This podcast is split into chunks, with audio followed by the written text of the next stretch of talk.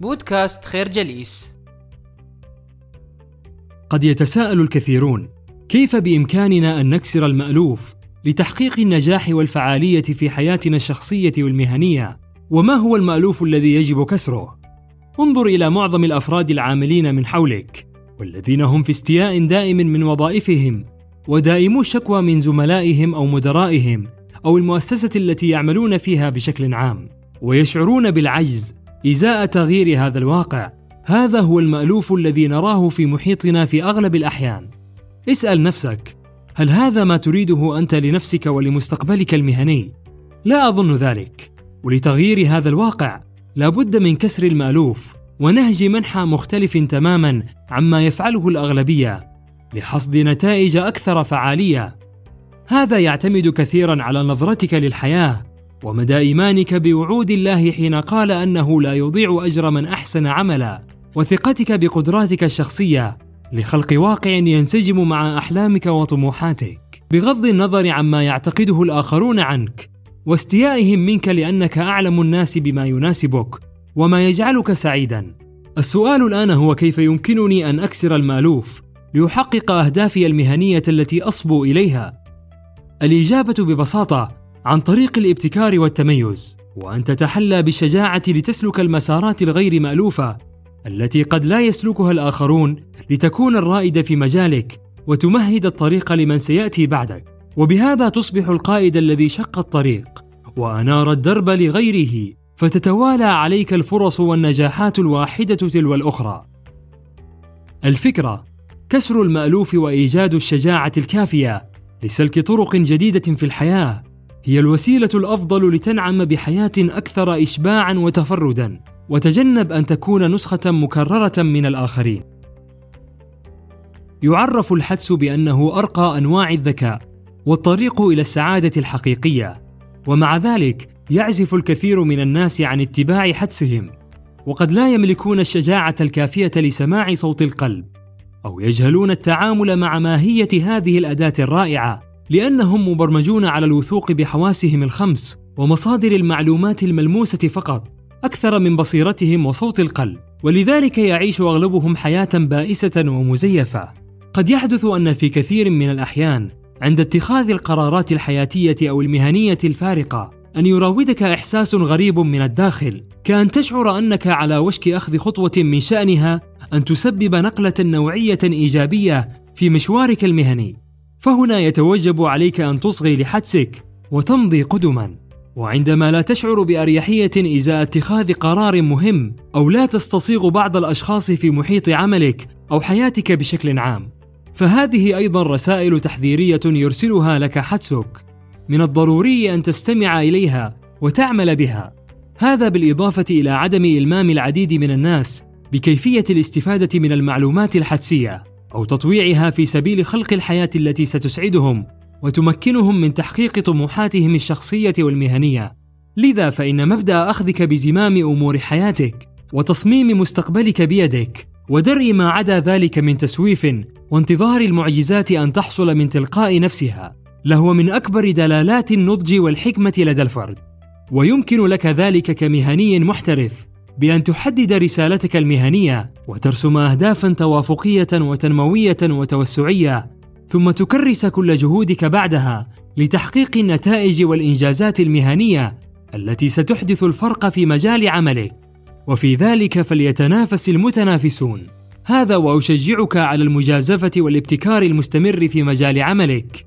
من غير أن تقلق بشأن الأخطاء التي قد تقع فيها وأنت في مرحلة التعلم. لأن العبرة ليست بارتكاب الأخطاء مبدئيا ولكنها بمدى تعلمك من أخطائك وعدم تكرارها مرة أخرى. لذا فتعلم أن تحتفي بأخطائك ولا تدع مخاوفك تتمكن منك وكن متسامحا مع نفسك. وكما يقال فإن الحياة المليئة بالأخطاء هي أكثر جدارة بالاحترام بل وأكثر نفعا من حياة خاوية بلا عمل أو تجارب جديدة. الفكرة الثقة بالحدس وتصميم المستقبل والاحتفاء بأخطائك. كلها أدوات فعالة ستمكنك من فهم نفسك والتسامح مع ذاتك بشكل أفضل. هل تعلم أن الأشخاص الذين يسعون إلى مواصلة تعليمهم واكتساب مؤهلات مهنية بشكل متواصل يحصلون في المتوسط على دخل أعلى في حياتهم؟ وهذا الموضوع يصبح ذا أهمية قصوى في عصر الثورة المعلوماتية التي نعيشها. حيث تشهد كل الجوانب طفرات هائلة في كافة مجالات العلم والقطاعات الحيوية التي نعمل بها جميعنا. فيتوجب علينا تحديث مهاراتنا وأن نلتزم بالتعلم المستمر لنتمتع بميزة تنافسية بين أقراننا ونعزز من مصداقيتنا المهنية. واعلم أنه إن تخاذلت في طلب العلم ومواكبة كل ما يستجد في مجالك المهني فإنك بذلك تتأخر إلى الوراء وتركن. فلن تستطيع التفوق في عملك أو تقديم أي قيمة تذكر لمؤسستك. وقد تجازف في النهاية بخسارة وظيفتك. ويسأل البعض كيف يمكنني تطبيق ما اكتسبته من معلومات نظرية في نطاق عملي؟ وإثارة إعجاب ودهشة مديري وزملائي.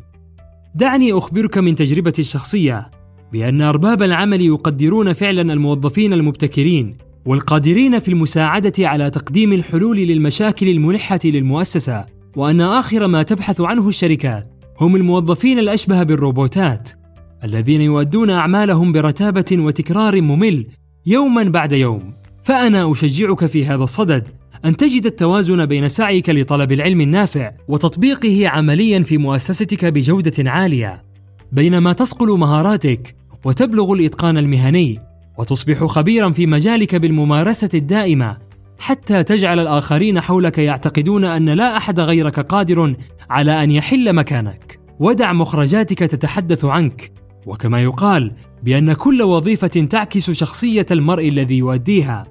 فاترك بصمة الامتياز على كل عمل تقوم به كما يجب عليك أن تحرص على مشاركة قصص مشوارك المهني والعقبات التي تجاوزتها في طريقك إلى النجاح. والإنجازات التي حققتها مع محيطك. ليستفيد منها الآخرون الذين قد يمرون بنفس المواقف ويبحثون عن حلول لها. وهذه أداة أخرى تكسر بها المألوف لأن معظم الناس يحتفظون بقصصهم لأنفسهم ولا يشاركون تجاربهم مع الآخرين. على عكس القادة والخبراء والعظماء الذين نعرفهم عبر التاريخ فان ما جعلهم يكسبون المصداقية ويكونوا مؤثرين في مجالاتهم هو مشاركة قصصهم وتجاربهم مع العالم أجمع لتيسير حياة الناس وتقديم النفع. فكن أنت واحدا منهم ولا تزهد في النعم التي يمكن أن تحصدها جراء ذلك. الفكرة تبنى المصداقية المهنية من خلال الارتقاء المستمر في طلب العلم والإتقان في العمل ومشاركة قصص نجاحك مع الآخرين.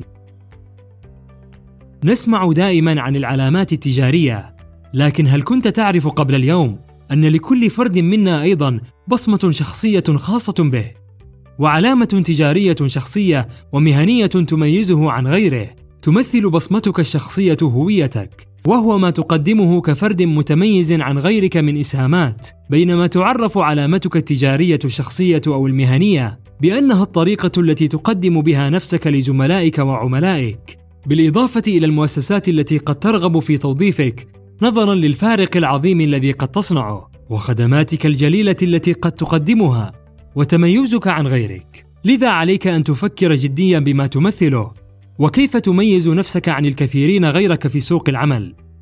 خصوصا في عصر التكنولوجيا الرقمية ووسائل التواصل الاجتماعي التفاعلي الذي نعيشه اليوم. كما عليك أن تجتهد في بناء وتوسيع قاعدة شبكاتك الاجتماعية والمهنية لتبادل المنفعة وتكوين علاقات مثرية مع الأشخاص الحريصين على دعمك خلال رحلتك المهنية المنشودة نحو النجاح. فعلى سبيل المثال كشفت دراسة حديثة أجرتها شركة Right Management للسنة الخامسة على التوالي أن بناء العلاقات بين الأفراد وتوسيع نطاق المعارف يعد أكثر الطرق فاعلية لإيجاد وظيفة جديدة. وقد وصلت نسبة فاعلية بناء العلاقات في إيجاد الوظائف الجديدة إلى 46% مقارنة بمنصات التوظيف على الإنترنت 25% وشركات التوظيف 14% ونهج التوظيف المباشر 7% والوظائف المنشورة في الصحف 1% وكما يقول المثل المعروف إن أردت الوصول إلى وجهتك بسرعة فاذهب وحيدا ولكن إن أردت الوصول إليها بتجربة مشبعة فاذهب مع الآخرين. يمكنك أيضا في هذا السياق كسر المألوف والتميز بفعل ما لا ينتبه له الكثير من المهنيين المخضرمين ألا وهو لفت الأنظار والحصول على التقدير الذي تستحقه بالمشاركة والفوز بالجوائز المهنية ذات الصلة بالقطاع والمجال الذي تعمل بهما لأنه سيمنحك أنت ومؤسستك ميزة تنافسية ومع ذلك فقد لاحظت من واقع تجربتي الشخصية أن معظم الأفراد والشركات يترددون حيال المشاركة في حفلات التقدير وتوزيع الجوائز لأنهم لا يتمتعون بالشجاعة الكافية ليظهروا أمام الآخرين ويبرزوا إنجازاتهم ويفرضوا حضورهم وهذا مؤسف للغاية. ولكن أنت عليك أن تتميز بتسليط الضوء على إسهاماتك القيمة وبالتالي تحصل على التقدير الذي تستحقه. الفكرة تطويع التكنولوجيا الحديثة وبناء شبكات اجتماعية داعمة وخطف الأضواء عن طريق حصد الجوائز المهنية عالية المستوى كلها عوامل تزيد من شهرتك وجاذبيتك المهنية. نشكركم على حسن استماعكم. تابعونا على مواقع التواصل الاجتماعي لخير جليس. كما يسرنا الاستماع لآرائكم واقتراحاتكم. ونسعد باشتراككم في البودكاست.